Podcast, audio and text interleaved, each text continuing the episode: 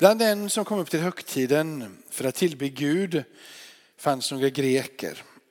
De sökte upp Filippos och han som var från Betsaida i Galileen och sade Herre, vi vill gärna se Jesus. Filippus gick och talade om det för Andreas och Andreas gick och talade om det för Jesus.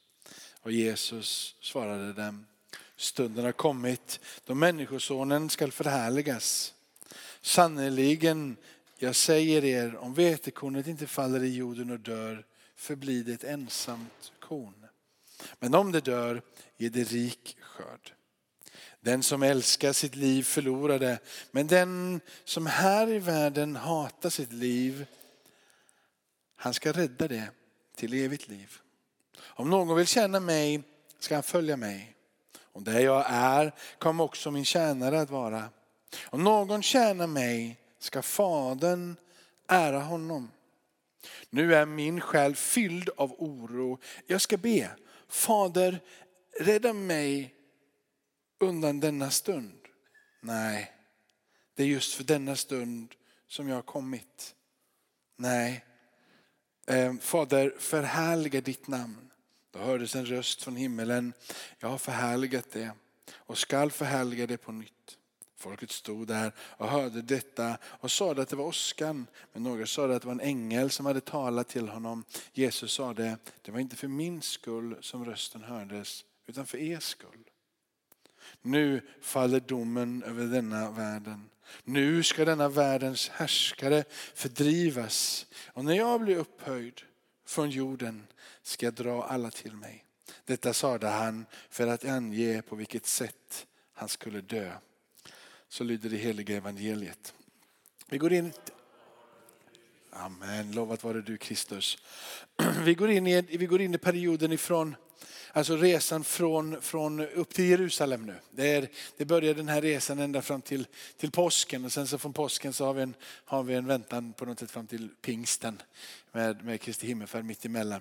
Men, men resan här nu det, och det är det som eh, ser tydligast i jag vet inte vilken årgång som, som det är utav dem, men i den texten som är sammanlänkad med den här i Johannes 12 från Lukas 18, då så de är på väg upp till Jerusalem. Nu går vi upp till Jerusalem, säger Jesus. Resan är, på, resan är på gång. Jesus som ska bli medlaren mellan Gud och människa.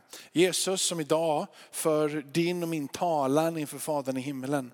För dig som är ny bevandrad i, i kyrkans liksom, värld och kanske inte jag vet så mycket om vad det innebär med frälsningen och vem Jesus är idag. Vad är Jesus idag? Vad är Jesus funktion idag? Så är det så att Jesus ber för dig och mig. Det är vad, vad, vad, vad Bibeln lär oss. Och att han för vår talan idag inför Gud. Eh, och, och, och, du behöver inte längre argumentera för att du ska få komma in och prata med Fadern. Du behöver inte själv visa på någon form av duktighet, att jag kan saker. Du behöver inte vara vältalig, du behöver inte vara intelligent och smart som Robert. Utan det räcker med att du litar på att Jesus är där och att Jesus för talan för dig inför Fadern. Fadern å sin sida när han tittar mot dig så tittar han alltid på dig genom Jesus. Så han ser inte det som är dina bekymmer. För Jesus täcker de sakerna. Han är medlaren, han är den som bar försoningen. Så när Jesus ehm, rör vid dig så blir du ren. Och när Fadern ser på dig så ser han på dig genom sonen. Så du är alltid ren inför Fadern. Det är därför du kan nalkas honom. För i dig själv så kan du inte nalkas honom. Men i Kristus kan du alltid nalkas Fadern. Du kan alltid få komma till Fadern på grund av Jesus. Och Jesus är där. Han talar för dig i den här stunden inför Fadern. Och han låter inte åklagare dig och Gud emellan. Han som vill anklaga dig både i ditt inre sinne och ditt yttre. Tala om att titta vad dålig Jakob är eller titta vad han inte kan och vad han borde skulle göra och vad han inte gör och vad han måste göra men ändå inte gör och allting sånt där. Den där talan från åklagarens sida inför Fadern griper inte och biter inte på Fadern. För sonen står där som din och min medlare, som din och min försvarare. Och han lägger upp eh, våran sak inför Fadern och han säger det är mig, det är jag som har gjort det. åklagaren, den här som försöker nästla sig in och förstöra din och min relation med Gud.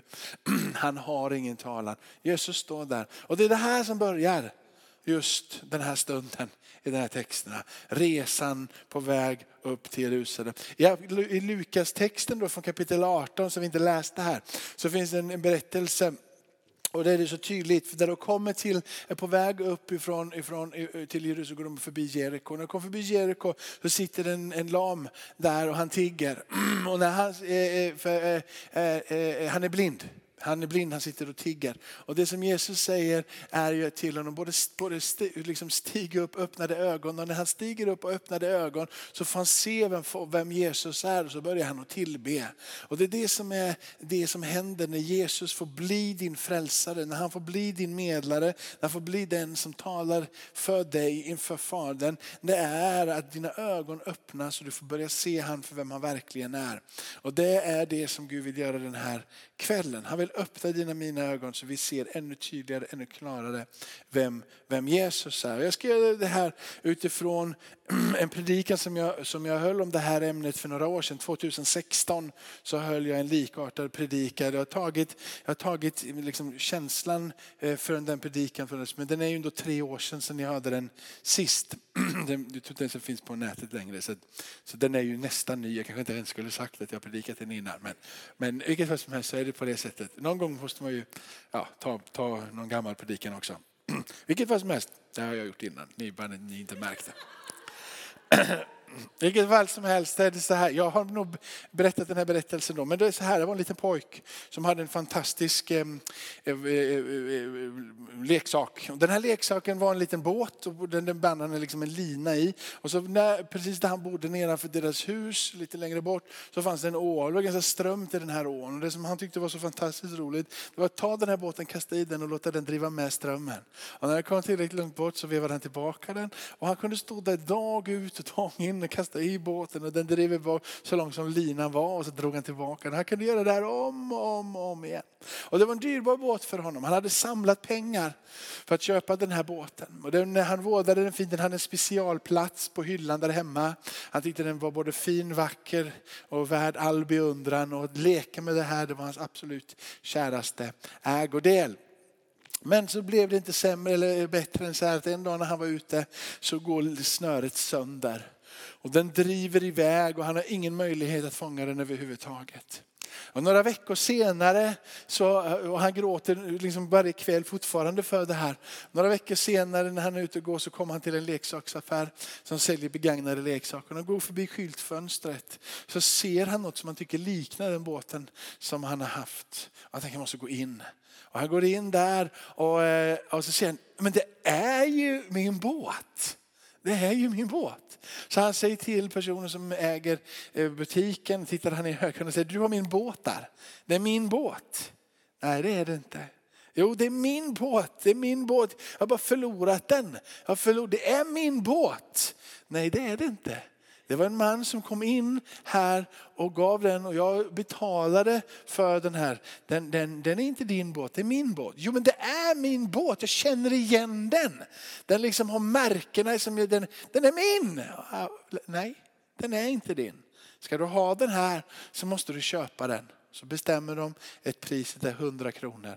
Och så får pojken samla ihop de här pengarna. Han som står där inne han bestämmer att han, han sparar den ett tag för, för den här pojkens skull. Pojken kommer in med hundra gånger, med hundra kronor, lägger det på disken, får båten och så tittar han på sin fina båt och säger så här, nu är du min dubbla gånger. Och lite så är det. Du är skapad utav Gud. Han har planerat det, han har tänkt det, han har satt dig in i den här tiden. Han har, eh, vet allting om dig. Men han har förlorat dig till en värld fylld av synd och mörker. Mörkret drev dig och mig bort ifrån Gud. Och för varje dag som gick så drevs vi längre och längre bort ifrån Gud. Till det nästan var oinkännligt att vi tillhörde honom. Men när han såg dig och när han såg mig, så sa han, du är min. Du är min. Någonting här i världen reser sig upp och vill åklaga oss, liksom anklaga och säga nej du är inte det. Jo, han är min. Och när Jesus tittar på dig och mig så säger han, jag har betalt för dig två gånger. du är min och jag släpper dig aldrig igen. Och det är den resan som Jesus gör. Från den han är på väg nu ända upp till Jerusalem så är det det han gör. Han går den här smärtornas väg som är lika mycket kärlornas väg, kärlekens väg. Det som är lidandets väg är lika mycket hoppets väg. Det är en väg som kantas utav bekymmer men som föder och ger djup innerlig gemenskap. Det är en resa och en kamp som eh, gör att ingen känner sig fri men den leder till den fullständiga friheten. Så det är både en kärlekens väg, det är en gemenskapens väg, det är en frihetens väg. Men ytterst sett så är det himmelens väg. Det är vägen till himmelen. Det är vägen in i det eviga livet tillsammans med Gud. Det finns inget annat liv givet till oss annat än i Kristus. Och det är ytterst sett det han kom för att göra. För att friköpa oss så att vi för alltid skulle få vara tillsammans med Fadern i hans rike rike där sonen har köpt oss. Amen. Då vet ni vad jag vill säga. Så kärlekens väg, vägen upp till det är det yttersta. Det är det yttersta uppdraget. Det var därför han kom. För att vandra den här vägen, att bli det försonande offer som öppnar vägen till Gud. Paulus säger Gud försonade hela världen med sig genom Kristus. Och frågan är, vad vill du att jag gör för dig Gud. Men den största frågan är den som Jesus ställer till dig och mig kanske. Det är, vad vill du att jag ska göra för dig? Jag tror att det är så, precis som för den blinde mannen som sitter där ute från Jerikos murar när Jesus är där och frågar honom, vad vill du att jag ska göra för dig? Vad vill du att jag ska göra för dig? Och den blinde mannen säger, jag vill Herre att du öppnar mina ögon. Jag vill se igen. Och Gud, vad vill du att Gud ska göra för dig? Och du kanske inte ens vet det själv, men vad du ytterst sett absolut mest behöver i den här världen, det är att han öppnar dina ögon så du kan se honom. Det är vad du behöver mer än en bil, mer än ett nytt jobb, mer än någonting annat. Att han fick öppna dina ögon så du fick se vem han verkligen är. Så att syndens välde, syndens makt inte längre kan gripa, hålla fast dig och dra dig på den här floden bort ifrån. Utan du är sammanlänkad med honom, du tillhör honom, han har köpt dig och du är hans. Herre förlåt mig för att jag så ofta går mina egna vägar. Herre hjälp mig för jag vill följa dig. Så öppna mina ögon och öppna mina medmänniskors ögon. Visa mig den vägen till din försoning. Ge oss kraften att gå den vägen. Det är budskapet ifrån Herren idag till dig. I Hebreerbrevet står det så här, och med sitt eget blod, inte med blod utan bockar och kalvar, så har han en gång för alla trätt in i helgedomen. Han har vunnit befrielse för oss för evigt. Det finns någonting som händer på korset. Det är det som var bundet blir löst. Det som var bundet i den här världen blir löst i den här världen och i den kommande världen. Han kommer för att befria dig och föra dig in i nådens år, in i friheten. Det finns inte längre några bojor som kan binda, inga kedjor som kan hålla dig fast. De är inte liksom, du är inte inringad som en mumier utan han har krossat den där mumien runt omkring dig. Han har skalat av dig och han har gjort dig så fri och så stark som du bara kan vara i honom. Han har betalat det, han har gjort det och han ger det till dig fritt och förintet när du faller ner inför honom, ödmjukar dig inför korset och bekänner han är Herre i mitt liv. Han gör dig fri och ingenting kan längre binda dig. Tro det idag och det blir det givet. Gud öppna mina ögon så att jag kan se vem du verkligen är. Öppna mina ögon så att jag kan se dig. När du får se honom förstår du att friheten ifrån det som binder i den här världen världen där du vill ständigt och jämt på grund av synden och mörkrets välde fokusera på det som inte är eh, sant, rätt och riktigt eller det som är problemet, omständigheterna. Men när du ser han för vem han verkligen är så slår han dig fri från det som vill binda och du kan ta dig bort ifrån den bundenheten in i hans frihet. Ingenting håller dig längre instängd. Du är fri. Fri att tillbe honom, fri att tjäna. Det finns där en plats av fullständig frihet. Men det han gör är att han lockar och manar dig och mig in på en gemenskapens väg. Det är en plats utav fullständig gemenskap. Han ger dig inte bara liksom syndernas förlåtelse och ger dig frihet att agera fritt. Han manar dig in i en djup relation med honom. Han vill att du ska umgås med honom. Han vill att du ska bli färgad av honom. Han vill att du ska lära av honom. Han vill att du ska ta honom till det största exemplet. Han inbjuder dig att få lära känna hans röst, höra vad han säger och lära personligt av hur man agerar in i varje situation. Han vill vara din osynlige vän i varje plats i livet. Han vill inte vara gubben i lådan som dyker upp. Han vill ständigt vara din följeslagare. Han vill vara din gemenskap. Gud vet hur det är att vara människa. Därför vet han vad gemenskap är. Han känner dig så väl och han vet vad du brottas med. Han vill ha din gemenskap så han kan hjälpa dig. Han är den som den osynlige som jag sa, som står vid din sida. Han leder dig, orkar du inte gå så bär han dig. Han vill ha gemenskap med dig. Han är den guden som hjälper dig när du bär alldeles för tunga bördor. Han är den guden som delar med sig av allt det goda som han har. Han är en god far.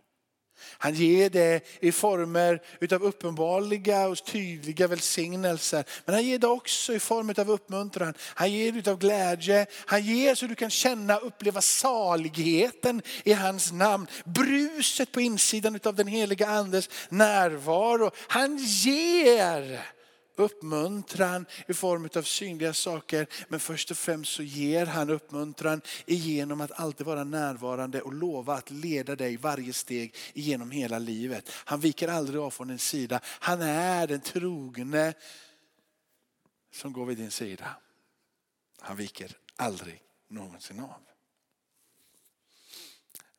Johannes skriver så här, det vi har sett och det vi har hört det förkunnar vi. För att ni ska vara med i vår gemenskap. Och den här gemenskapen, säger han, det är en gemenskap med Fadern och med Sonen Jesus Kristus.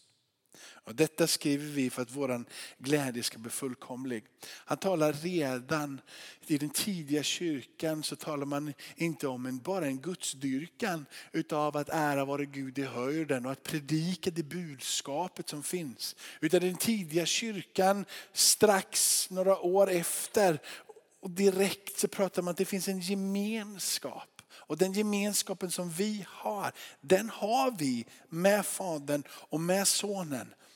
Det är inte någon liksom, illusion att vi har någon form av andlig gemenskap här och hör ihop. Det är någonting som är stadfast, det är någonting som du har. Du lever där i den. Du kanske inte upplever den idag men den är i den. Du står där. Det finns där. Och han inbjuder dig till och han säger öppna dina ögon. Jag är där. Jesus säger till dig som kanske känner dig utanför, inte känner den gemenskapen eller inte känner någon annan gemenskap för den delen heller. Så frågar han den här stunden, precis som han gjorde till den blinde mannen som satt vid muren. Vad kan jag göra för dig? Vad kan jag göra för dig? Hur kan jag hjälpa dig när du sitter i din ensamhet? Jag, säger Jesus, kan få vara ditt svar efter gemenskap. Kom nära mig. Och jag skulle vilja uppmana dig, tror jag Jesus skulle säga, att när du särskilt känner dig ensam och ångesten tränger på, det är då jag vill vara som närmast. Jag tror han skulle vilja tala om för dig, vad kan du göra för mig? Så tror jag Jesus vill tala om för dig att när du inte har någon annan utväg, jag finns där då. När du inte vet var du ska ta vägen, jag är där. Vad kan jag göra för dig? Låt mig få hjälpa dig, tror jag Jesus säger. Jag vill visa vem jag är. Jag vill visa min väg. Jag vill visa min vilja. Jag vill låta dig förstå hur du ska leva. Amen. Kort också om himmelens väg. Kort om himmelens väg. Är det okej? Okay? Eller ska vi hoppa himmelens? Nej, vi tar himmelens väg också. Kort. För nu har vi tagit tre vägar så tar vi den fjärde vägen så kan någon annan komma på någon annan väg. För han säger också så här, jag är vägen och jag är sanningen och jag är livet. Och ingen kommer till Fadern utom genom mig. Så Jesus är tydlig med den här platsen som du och jag ibland glömmer när vi lever i den här världen av konsumtion. När vi liksom vill äta, äta, köpa, sova och ha större hus, bil och, och liksom plånbok så glömmer vi av varför han kom. Och det var för att vi skulle få vara med han i evigheternas evighet. Och den djupaste, den djupaste glädjen i din tro ligger där. Glöm aldrig, det ligger inte i ett helande även om du får se det. Det ligger inte i att din ångest försvann. Det ligger den djupaste glädjen för att du ska riktigt kunna leva och dö för Kristus. Ligger i att du får upp ögonen för att du har en plats i evighet tillsammans med honom. När du förstår att du har en plats i evighet tillsammans med honom så dör människofruktan.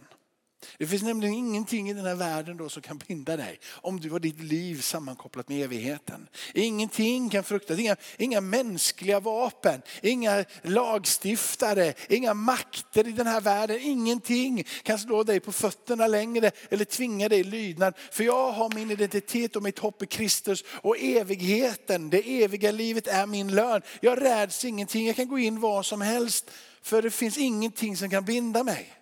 Jag är inte av den här världen. Jag är en ny skapelse i Kristus. Jag är mitt hemland i himmelen. Yttersta målet för din och min vandring här på jorden är himmelen. Det är där han har förberett en plats för dig och mig. Det är där han vill att du ska få vila ut tillsammans med honom. Det är där han vill och det är där han ger all den himmelska rikets välsignelser i fullständigt överflöd, inte någon begränsning.